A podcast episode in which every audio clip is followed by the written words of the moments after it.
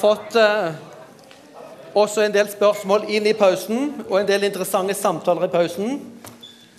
Hvilket, eh, hvilket jo gjør at eh, forberedelsene våre blir kortere, men vi eh, Mens den ene snakker, får den andre tenke. Mm. Eh, og, og um, vi, vi vil begynne med å kommentere dette med hvordan, hvordan omverdenen så på de, de kristne.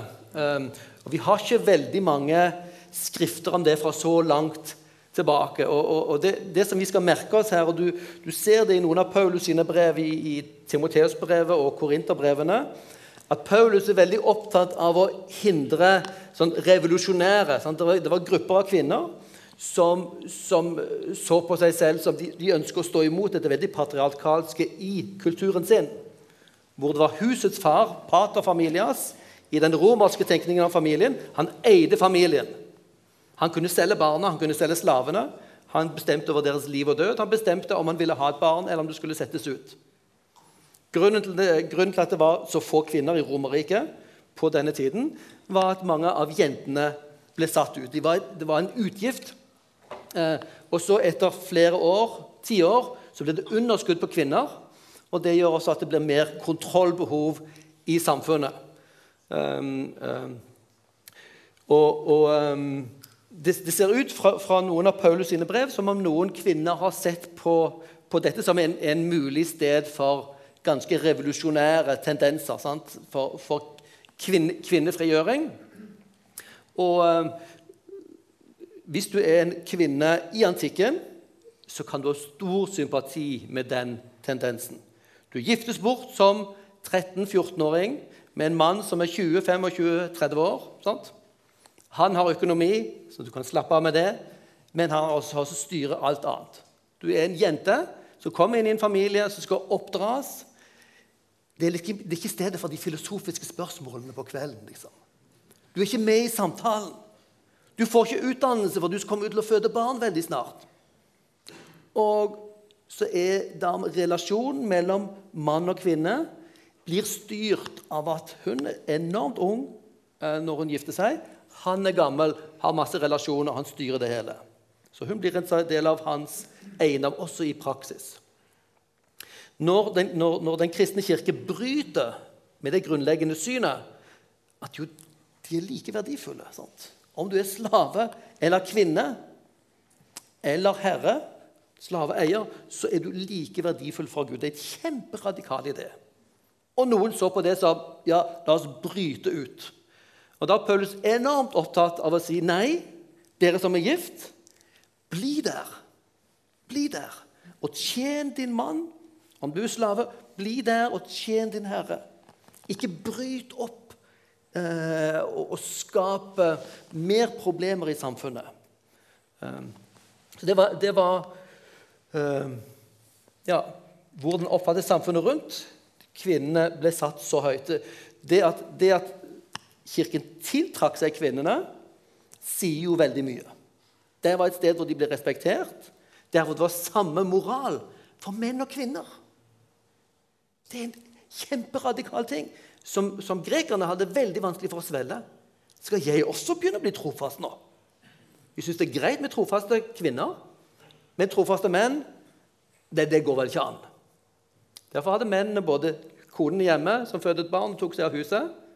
Så hadde de kjærester rundt omkring, og så på festene så hadde man eh, gledespikene. Og det var en rettighet.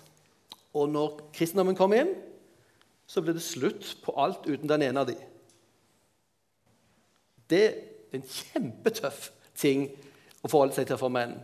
Kanskje det er også en av grunnene til at det er større terskel for menn også i antikken for å bli kristne. Det var så store, store, eh, stor terskel. Ja.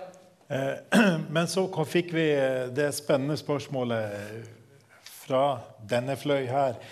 Hvordan vil, hva vil et brev fra Paulus, formaninger til Paulus, inn i vår situasjon, kultursituasjon? Nå beskrev du Bjørn, hvordan det var der.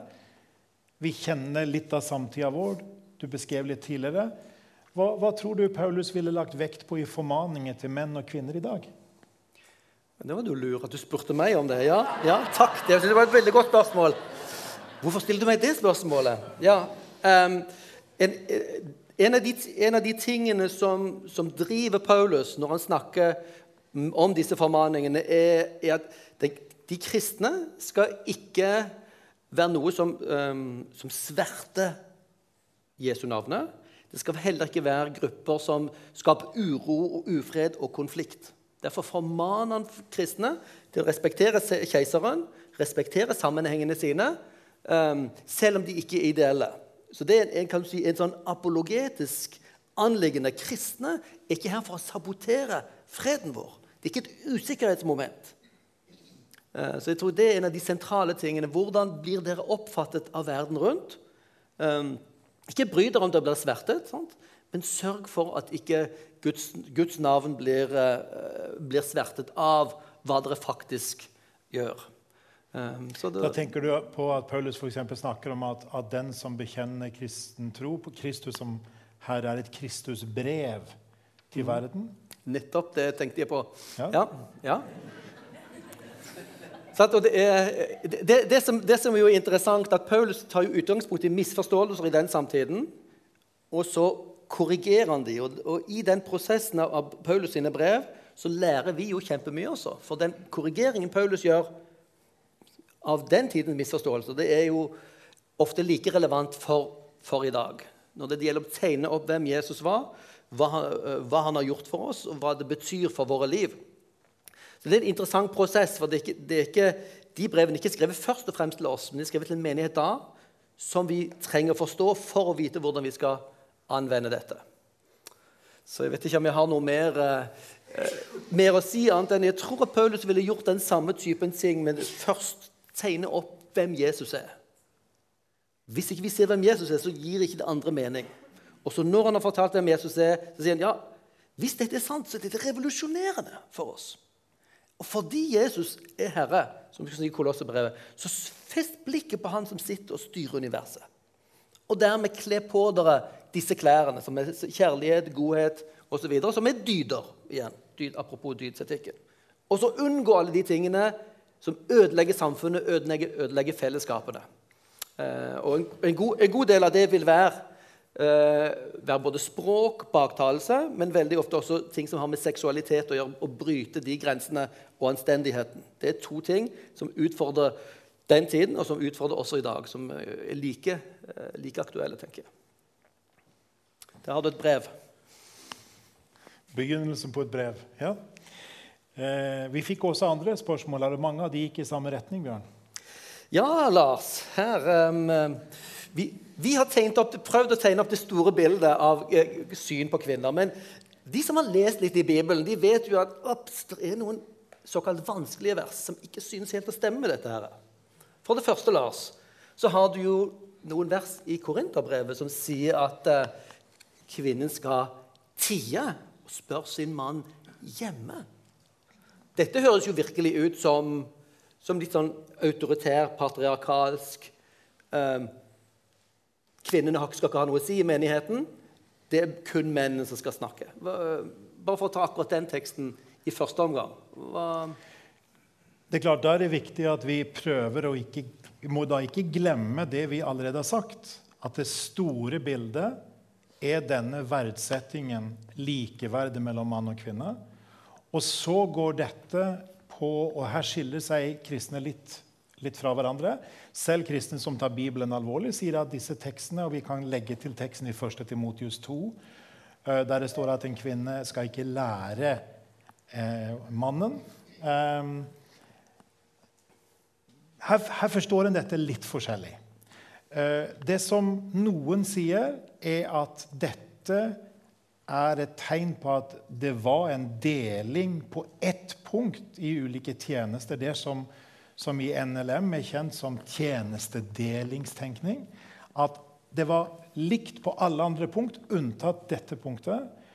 At eh, en eller annen tjeneste i sentrum av menighetens undervisning og eh, som hyrde, som overordna lærer, eller ansvarlig lærer, som noen sier, det var forbeholdt mannen. Slik forstår eh, mange eh, som vil ta Bibelen på alvor, denne teksten. Eller disse tekstene. Andre igjen eh, forstår tekstene som at det peker på spesielle forhold i menigheten.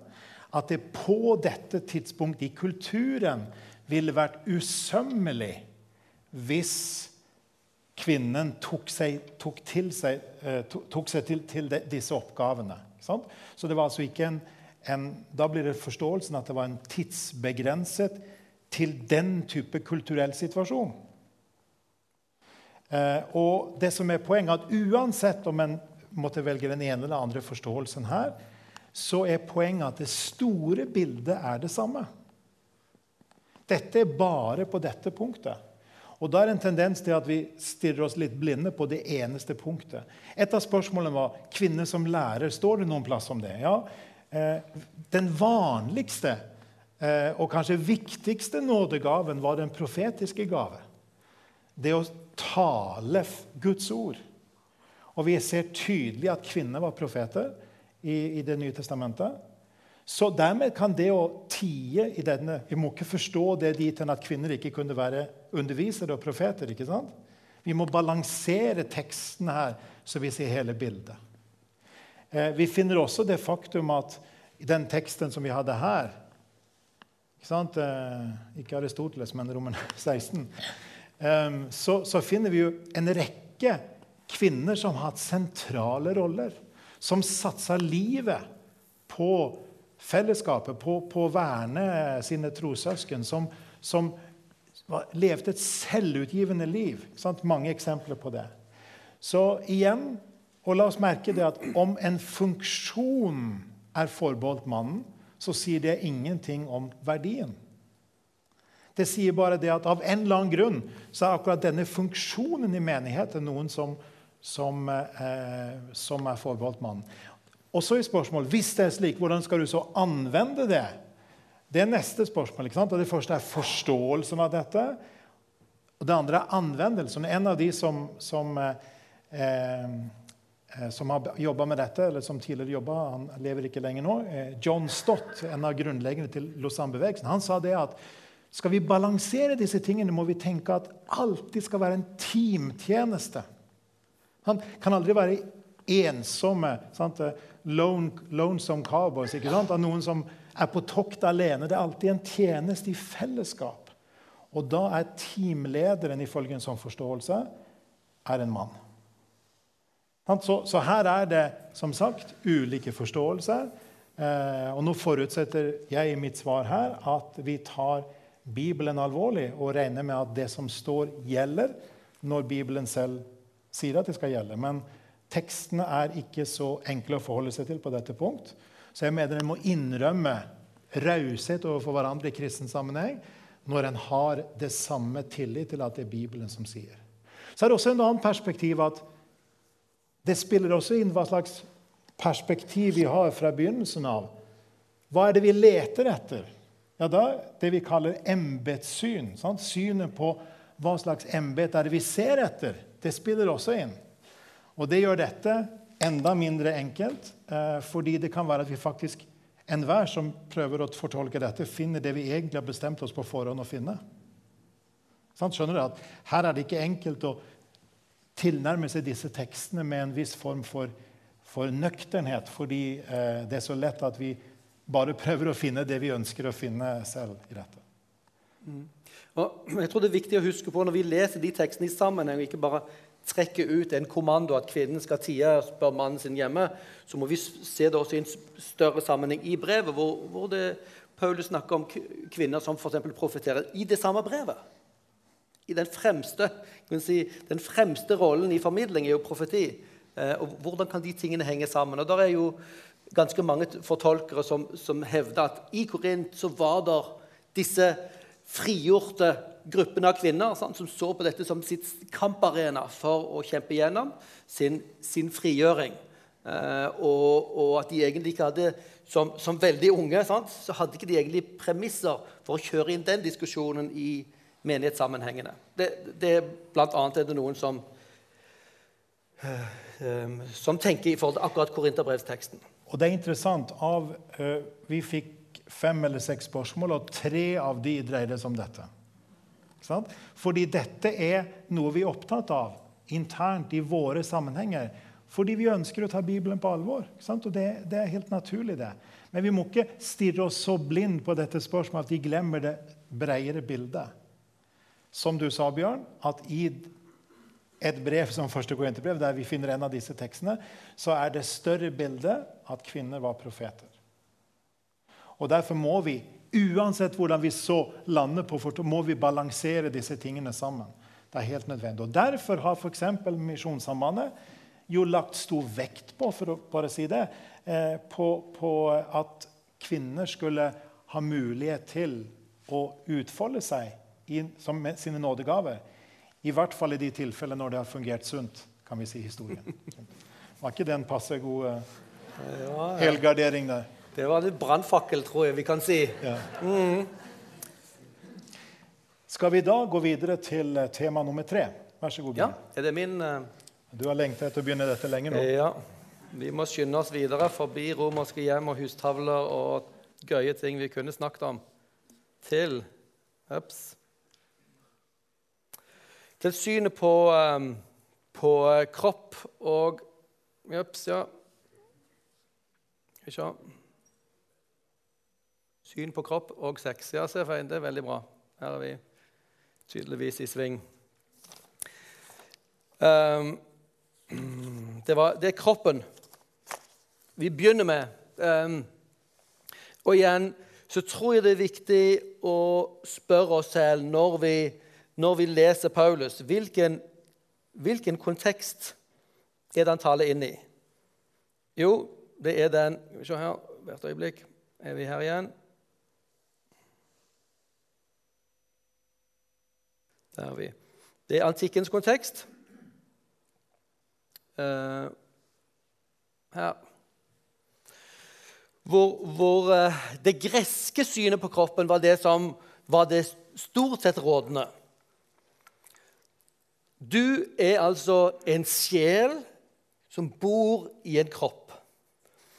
Eh, og Spesielt hvis du bor i en by i antikken, så hadde du konstant infeksjoner. Sant? Du hadde makk i magen, du hadde hudproblemer.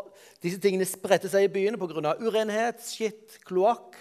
Alle disse tingene som vi vet skaper masse sykdommer. Du hadde, gikk konstant med noen ulike plager. Det er en plage med kroppen. Når du ser på brev fra antikken, så snakker de hysterisk mye om helse.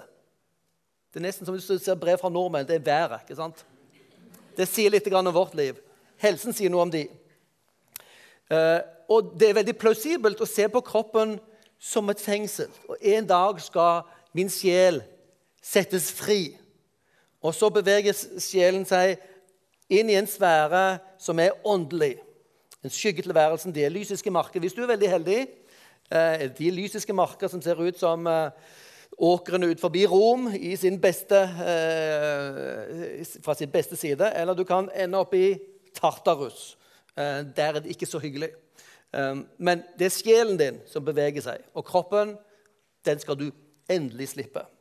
Og Derfor var det ikke så veldig rart at når Paulus snakket om at han, Jesus hadde blitt reist opp fra de døde, da ble han avbrutt, og folk lo. Sånt.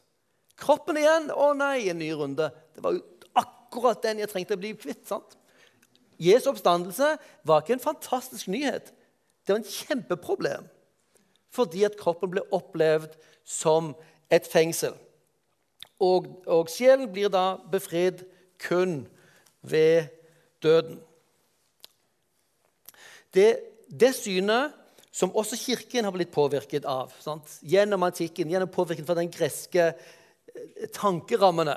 At det åndelige er det viktige, det jordiske det skal jo forgå. Så kom Augustin til å fortelle oss om den, den, den kirkens vandring gjennom tidsaldrene fram mot den himmelske by, gudsstaten der oppe, som er i evigheten. Tidløs. Og vi skal ta oss herfra opp dit. Det er en gresk tenkning om at det det åndelige er vårt mål. Her nede ja, det får hanke og gå, og så en gang så håper vi kommer fram når vi dør. Det er ikke en bibelsk, bibelsk bilde av fortellingen. ikke sant? For Bibelen forteller, oss jo at ok, vi dør, så er vi hos Kristus, og en dag skal våre kropper reises opp igjen. Alle mennesker så opp fra de døde. Det reises opp fra de døde. Så dommen, og så ny himmel og ny jord. Så gjennom Augustin så har vi overtatt i kirken denne måten å tenke om himmelen på, at det er der oppe, og det er et kroppsløst sted. Og da forsvinner masse av de sentrale tingene i den kristne teologien. Når dere leser trosbekjennelsen, så sier vi vi tror på legemets oppstandelse og det evige liv. Den forsvinner ut. Så den kristne troen og Paulus trodde for det første at kroppen var noe som var skapt og gitt det av Gud. Så med alle andre ting er det ting som skal ivaretas. Og det er interessant Når du leser jødiske bønner, så har de en bønn for alt de holder på med. For maten, for, for vandring langs veien, sant? på fjellene sant? når de kommer til festen i Jerusalem. Også når de vasker seg om morgenen. Full kroppsvask. Da takker de Gud for hver av tingene som de vasker. Tenk hva det gjør med en kroppstakknemlighet som vi kanskje kunne savne. Vi som, vi som kjemper med kroppen ikke fordi at, at, um, at, vi har alle disse infeksjonene, men fordi det kroppsbildet som vi serveres, ikke samsvarer med det bildet vi ser i speilet. Noen av dere vil kanskje oppleve det. Men hvis kroppen i et sånt perspektiv dermed er mindre viktig, hører til bare det forgjengelige, så kan du gjøre to ting med den. Du kan enten neglisjere den, sulte den ut. Den betyr jo ikke noe. Um, og Du finner tendenser til det i, i, um, i uh, de kristne menighetene, hvor det var da gifte som da Nei, vi skal holde oss borte fra dette her eh, skitne, sant, som det jordiske. Så de levde ikke sammen seksuelt. Og Paulus sier oi, oi, oi, nei, nei, dere har skrevet under på dette. Det er deres plikt. Du eier ikke deg sjøl. Hun eier deg. Han eier deg. Sånn? Så dette er, dette er en, en, gave og en plikt du skylder din ektefelle. Veldig realistisk. Uh, hvis du ser på kroppen som noe mindre viktig, så har du enten tendens til å den eller dyrke den. Sant? Kaste deg ut i alt det som kroppen kan gi av nytelse. Begge disse to tingene liksom, uh, uh, utfordrer Paulus. ikke sant?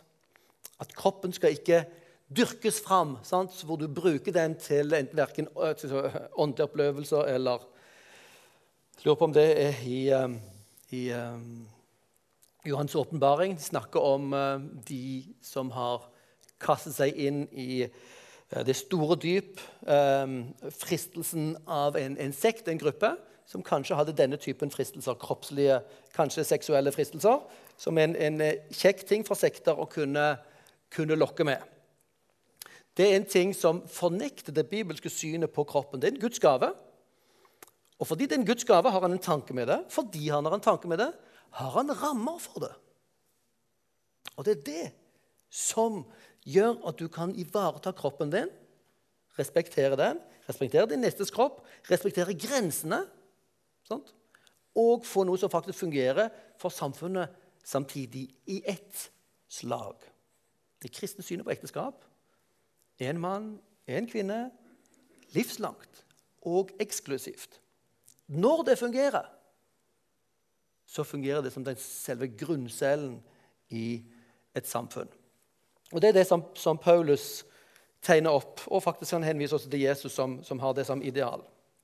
Og, og når vi ser Paulus' syn, så er det jo tre, minst tre ting. Det er det er skapt av Gud, og så skal vi få kroppen igjen på nyskapelsen. Og da, mm, Hva som skjer akkurat med seksualiteten, det er det ikke så veldig klart med. Som sagt, Vi skal være som englene. Vi kan prøve å se for oss hva det er for noe. Men vi skal i hvert fall ikke gifte oss og giftes bort. Men OK. Um, men det er kroppen vi får tilbake. Og at eh, pga. dette så gir det mening å snakke om, om uh, seksualiteten vår er gitt oss for uh, inn, forbi noen rammer.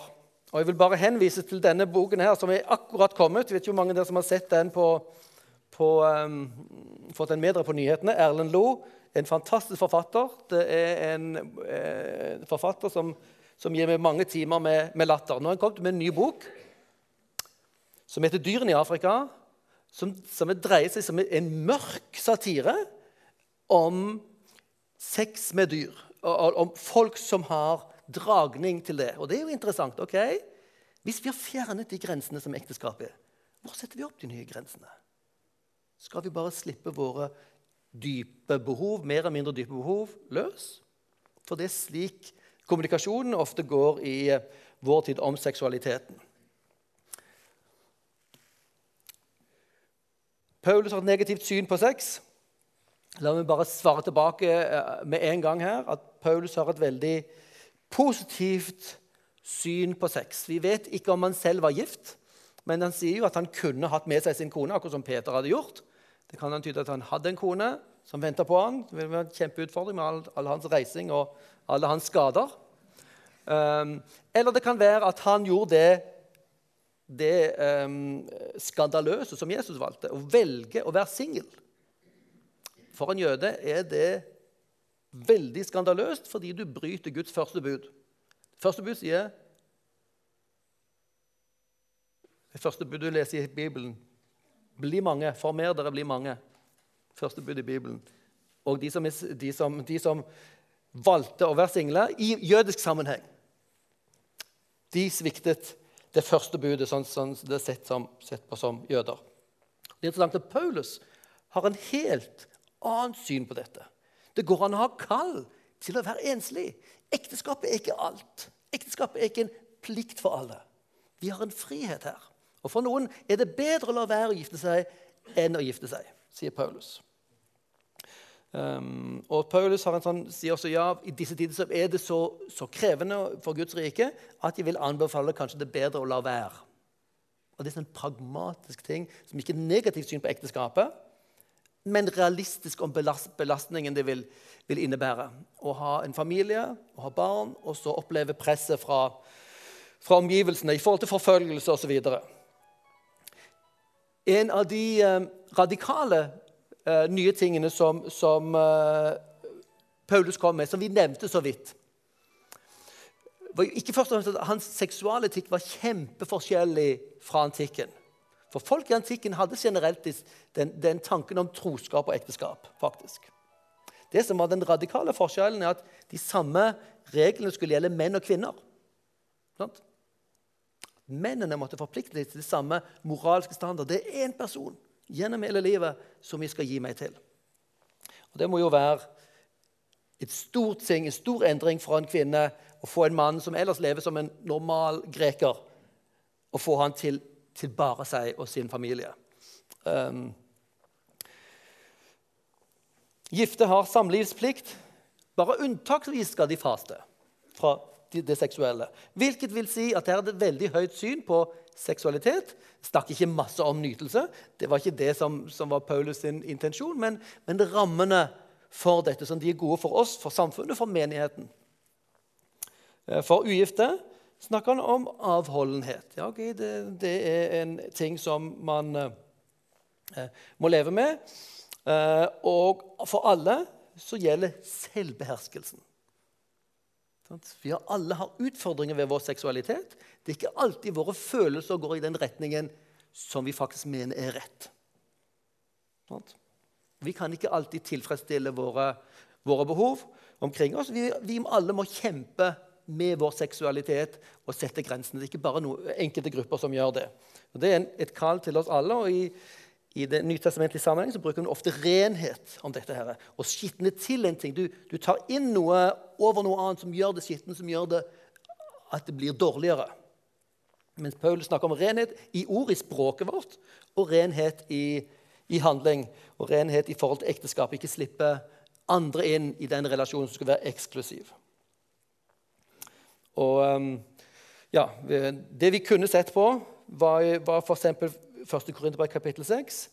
Hvordan Paulus argumenterer omkring seksualiteten. Jeg tror ikke vi skal gjøre det nå, hvis ikke noen av dere inviterer oss til det helt på slutten. Um, men Tenk på dette her, den helt opplagte ikke bare muligheten, men rettigheten som enhver greker har til å benytte seg av businessen rundt omkring oss. De prostituerte skal jo også leve. Tempelet må drives. Eh, og vi må ha fester. Hvorfor skal dere begynne å ta fra oss det som på en måte er, er det normale, og som er det gode? ja? Når kona får litt fri også hjemme, ikke sant, her nå, så, så avlaster de litt. Grann. Eh, jeg tror kanskje det er ikke akkurat sånn de tenkte på det. Um, og, og, Man kan jo se for seg alt det av uh, sykdom og lidelse og smerte som følger disse her tingene. Uh, men, men, det ble sett på som en rettighet av menn. Og så argumenterer Paulus jeg syv argumenter han greier å presse inn på det, de to kapitlene, kapittel 6 og 7. For hvorfor den opplagte rettigheten er feil sett fra et kristent perspektiv. Og Det sier veldig mye om Paulus sin måte å tenke etikk på. Det er ikke en pliktetikk som sier aha, det eh, hor er forbudt, derfor er prostitusjon umulig. Han kunne sagt det. Han argumenterer for at, at, eh, at kroppen sant, ikke er lagd for hor. Vi er skapt for å ære Gud. Og seksualitet er noe mer enn en fysisk forbindelse. Det er en åndelig forbindelse. Den forbindelsen som skjer, var ment å, å vare, aldri brytes opp. Så den som ligger med en prostituert, han forenes med denne, også åndelig sett. Det skjer noe åndelig også i seksualiteten som, som endrer vårt syn på hva det egentlig som skjer i, um, under prostitusjon. Som ses på som en business-ting. Um, i, uh, en økonomisk ting eller en sånn biologisk ting. En utveksling av tjenester, utveksling av nytelser i, moderne, i vårt moderne samfunn. Paulus utfordrer oss. Hva er, er seksualiteten noe? Har Gud en mening med seksualiteten? Han har faktisk det.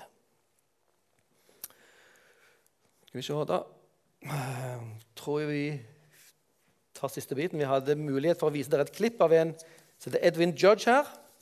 Eh, en av de fremste spesialistene på, uh, på antikken, antikk filosofi. Um, så vi kan sende dere linken der til Edwin Judge om antikkens syn på seksualitet. Og Da må vi gå videre på det neste, eh, som ikke gjør noe hvis vi ser alt her på en gang.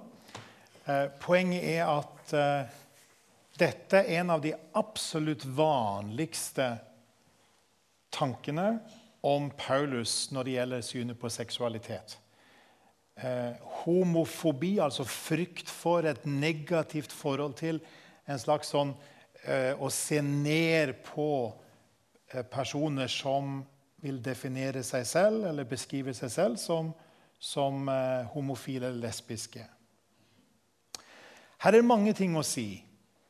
Det første er det at eh, før vi bare går inn på dette, eh, er jo at det er klart at vi i våre sammenhenger, med våre mener jeg da, i de kristne sammenhenger der vi er overbevist om at Bibelen taler om ekteskap og seksualitet, sånn som Bjørn akkurat beskrev det, så er det en fare for oss at vi kan være nedlatende i holdningene til mennesker som beskriver seg selv som tiltrekkes av det samme kjønn. Så holdningen er viktig å være åpne på. At ikke holdningene kommuniserer en skam, så å si. Kommuniserer nedlatenhet. Kommuniserer noe som, som har å gjøre med at vi egentlig ser ned på de andre menneskene. Kanskje uten å ville det. Det, det, er en viktig sak.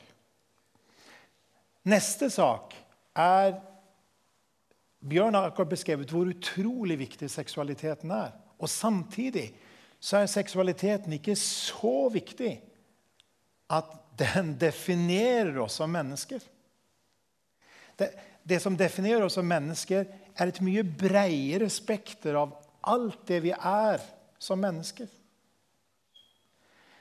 Derfor så, så er det som beskrives På engelsk brukes uttrykket 'same sex attraction', tiltrekning til det samme kjønn.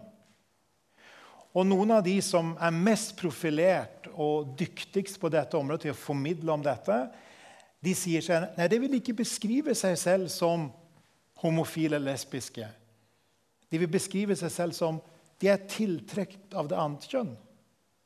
Men det beskriver ikke de totalt som personer. De som personer er et større bilde. Det er mer, det er et bredere bilde enn bare seksualitet.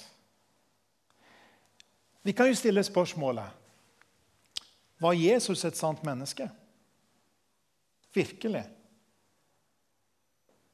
Jeg regner med at vi, vi vil tenke at Jesus aldri hadde hatt fullt ut seksuelt samvær med en kvinne. Ikke sant? Men allikevel bekjenner vi at han er et sant menneske.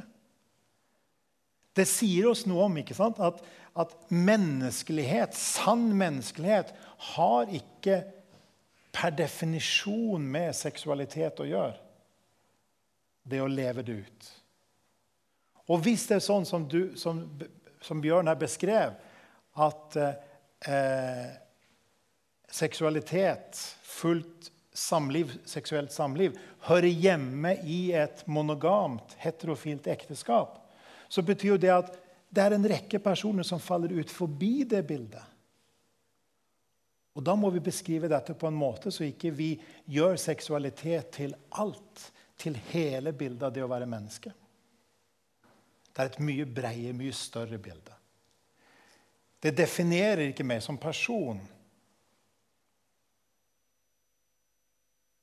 Og da kommer vi tilbake til at alle mennesker er likeverdige. Sant? Uansett tiltrekning Uansett det vi tidligere brukte begrepet legning kanskje å beskrive. Det er ingen forskjell i likeverd her.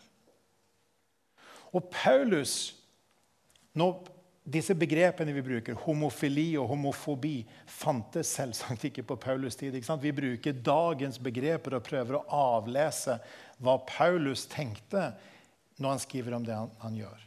Og husk at når Paulus nevner eh, et homoseksuelt utøvende seksuelt samliv som synd, så er det sammen med mange andre ting. Det er aldri det eneste. Det er alltid masse. F.eks. baktalelse ses på som svært, svært alvorlig. Slik at vi har, Fordi seksualiteten utfordres i samfunnet vårt, så, så, er vi med rette opptatt av dette. Og samtidig må vi se det som en del av det større bildet. Premissene fra et kristent perspektiv har vi vært inne på, men det er likeverd, det er personlig frihet. står veldig sentralt. Vi har altså frihet under ansvar. Vi er fri i Kristus, men fri til å følge Kristus. Og vi alle må kjempe med vår seksualitet. Jeg fant et sitat her If I'm reading the Bible correctly, dersom jeg leser Bibelen korrekt, then everyone above puberty, så er enhver som er gått forbi pubertetsalderen, is a sexual sinner, including me. We have so much in common. Ikke sant? Det er realistiske perspektivet. Det er ikke noen som er seksuelle syndere. Alle er det. Spørsmålet er hvordan vi lever med det. hvordan vi gjør det. Og da så er det sånn at eh, det vil være ulike syn på spørsmålet som hva som er de beste rammene i samfunnet rundt. Men vi må, når vi går tilbake til Det nye testamentet, ser vi at det er ikke tvil om hva som er rammene som tegnes opp der. Et annet sitat. Evangeliet er den sanne motgiften mot homofobi. Tenk på det. Evangeliet er det sanne motgiftet mot homofobi. Det tenker jeg da er vi rett i hjertet av Paulus, ikke sant? Hva, hva han snakket om. Friheten i Kristus. Å aldri se ned på andre mennesker, men å verdsette andre mennesker. Men heller aldri bare flyte med i det som oppfattes som samtidens eh, idealer på alle områder. Men tørre å fastholde de bibelske perspektivene. Derfor er det ikke dekning for å si at Paulus i sine holdninger var homofob. Paulus fastholdt det bibelske syn på ekteskapet fra begynnelsen av, bekrefta av Jesus. Og så ser vi at han verdsatte Ta bare den, den, rekken. Det har vært interessant å vite. Hvor mange av disse damene, i, i, for, å, for, å, ta det, eller mennene sant, i, i Romerbrevet 16 f.eks. Hva slags eh, sosial status hadde de? Vi vet ikke. Vi Kan bare tenke oss, Noen var gifte, noen var ugifte. Noen kanskje var gifte uten barn. Noen kanskje var enker, enkemenn. Sant? Noen var skilte. Det var et mangfold. Noen kanskje var gift igjen. Sant? Det var et mangfold. Det er den sanne kristne menighet, som er i Kristus, ikke sant? og som lever en tjeneste sammen, der en skjønner at dette området kan aldri definere oss helt og fullt hvordan vi er som mennesker. Det er et mye større bilde. Seksualiteten er viktig. Og det er et fantastisk positivt syn på seksualitet, som Bjørn sa mye om. Men det er allikevel bare en del av hele bildet av det å være menneske. Hvis vi prøver på en måte å fastholde de tingene samtidig, så blir det enklere tror jeg, for oss å lese Bibelens tekster med dette helhetsperspektivet. Jeg har bare lyst til å nevne en bok og en forfatter.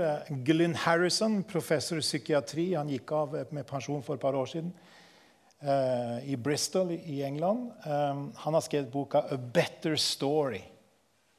Han sier at vi trenger å fortelle det bibelske synet på seksualitet som en bedre fortelling for livet enn alternativene.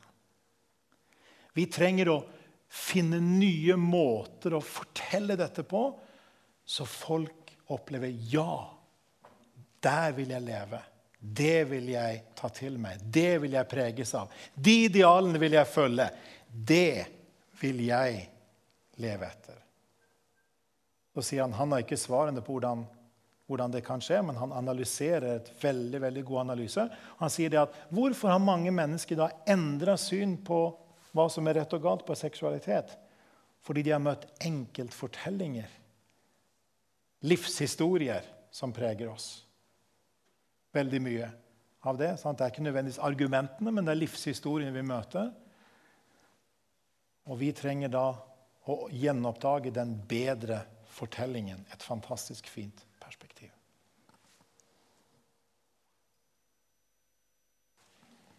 Er det, er det noen som har eh, en kommentar eller et spørsmål nå til, så kan vi faktisk ta det. Vi har eh, tre-fire minutter.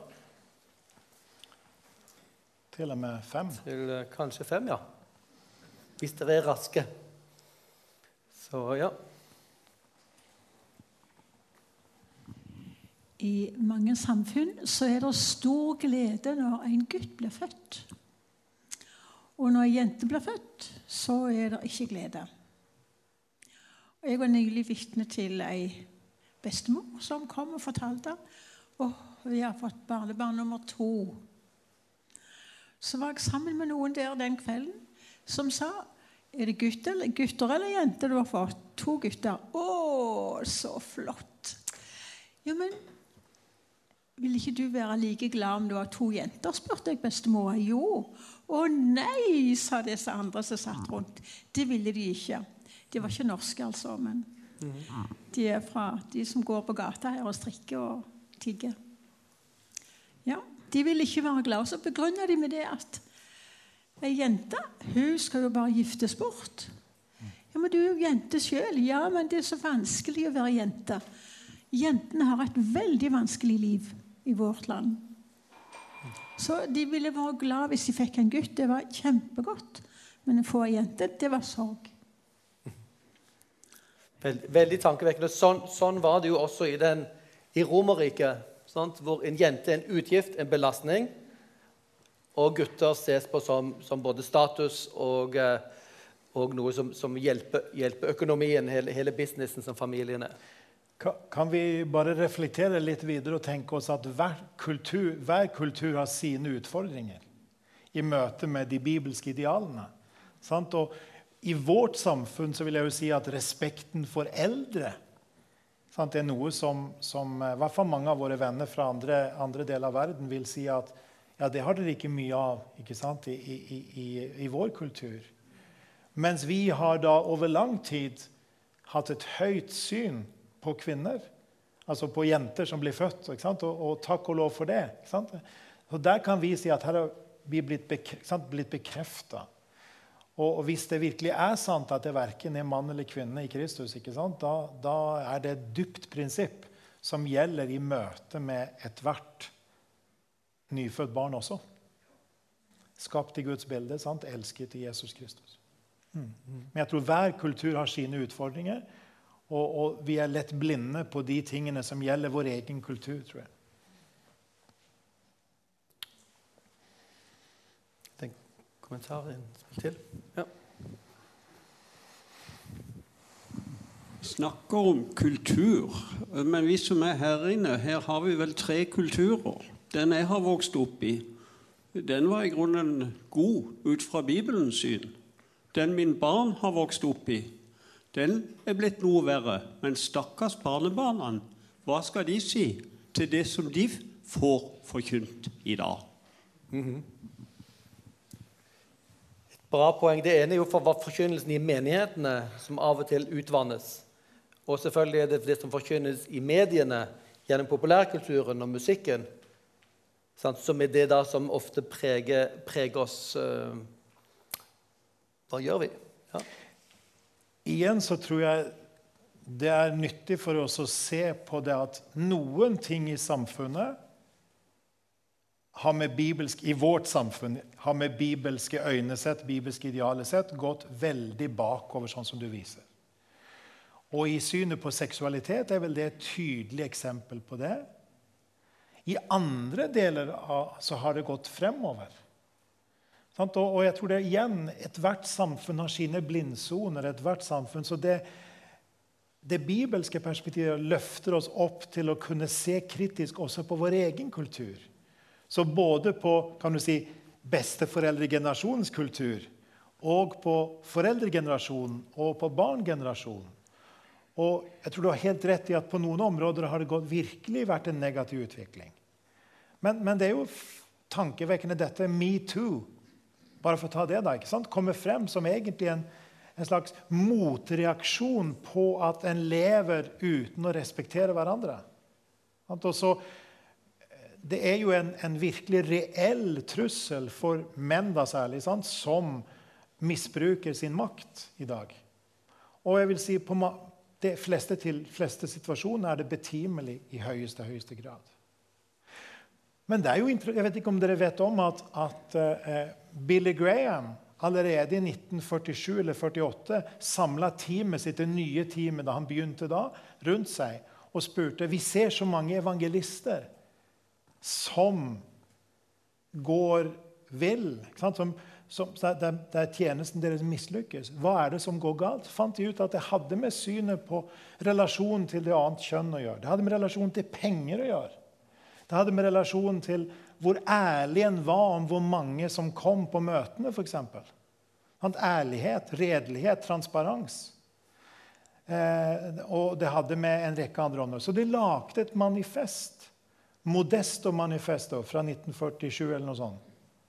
Det er jo topp moderne i gåseøyne.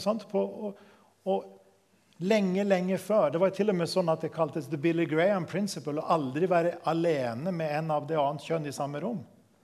Jeg vet om dere har sett eh, på Netflix denne serien The Crown om, eh, om eh, Elisabeth 2.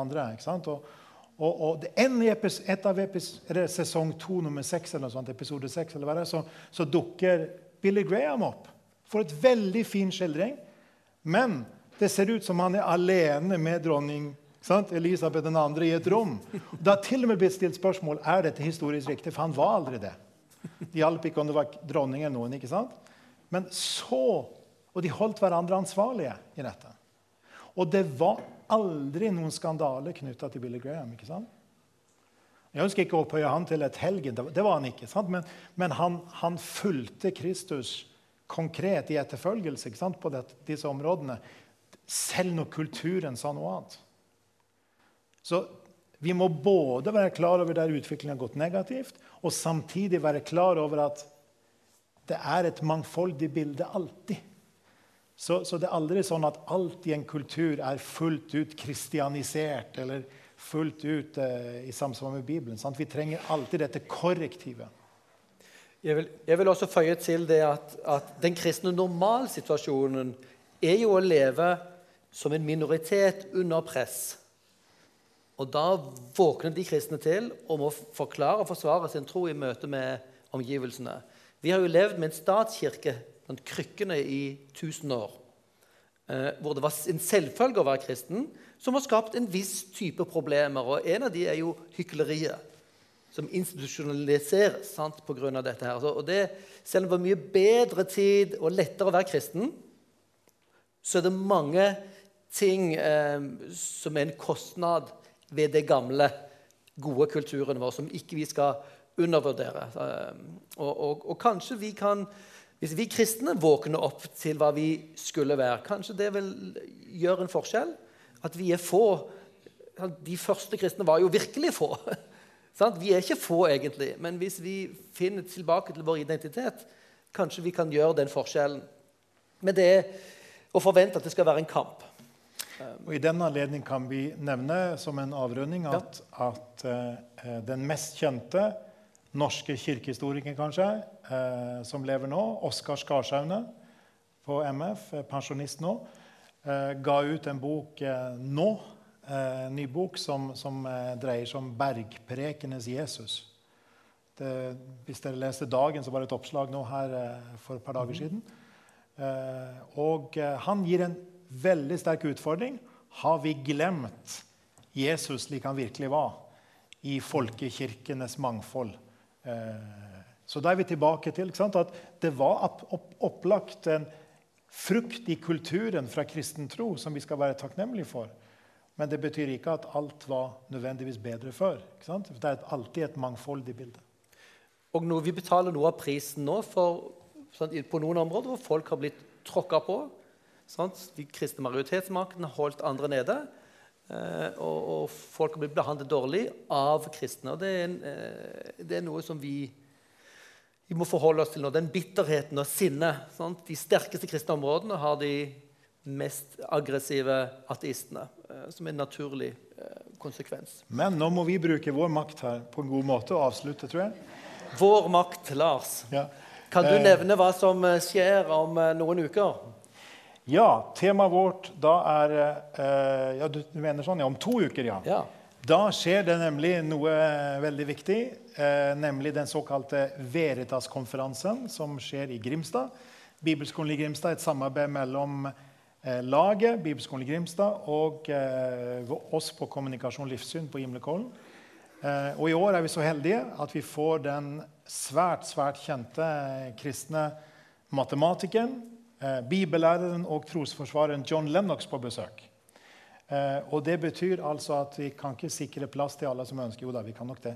Men det, hvis dere har mulighet til, så er det altså to ting som er mulig her. Det ene er å komme på Universitetet i Agder på torsdag ettermiddag den 18. august. Nei, ikke, august, 18. oktober.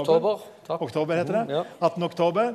Eh, da er det altså åpen forelesning. Eh, med John Lennox. Eh, så hvis dere kan forstå engelsk, greit, så er det godt mulig. Og det andre alternativet eller både og, er å komme til Grimstad eh, fredag kveld. lørdag formiddag, lørdag kveld taler han over Daniels bok. Det er vel verdt å få med seg. utrolig flott. Han er 72 år, så det er ikke sikkert vi får han noen flere ganger på besøk til, til Norge. Um det anbefales sterkt, selv om, selv om dere er her den, den, søndagen, 21. oktober, hvor Peter S. Williams vil tale her. En av de som er, har seminarer på konferansen, er fra England.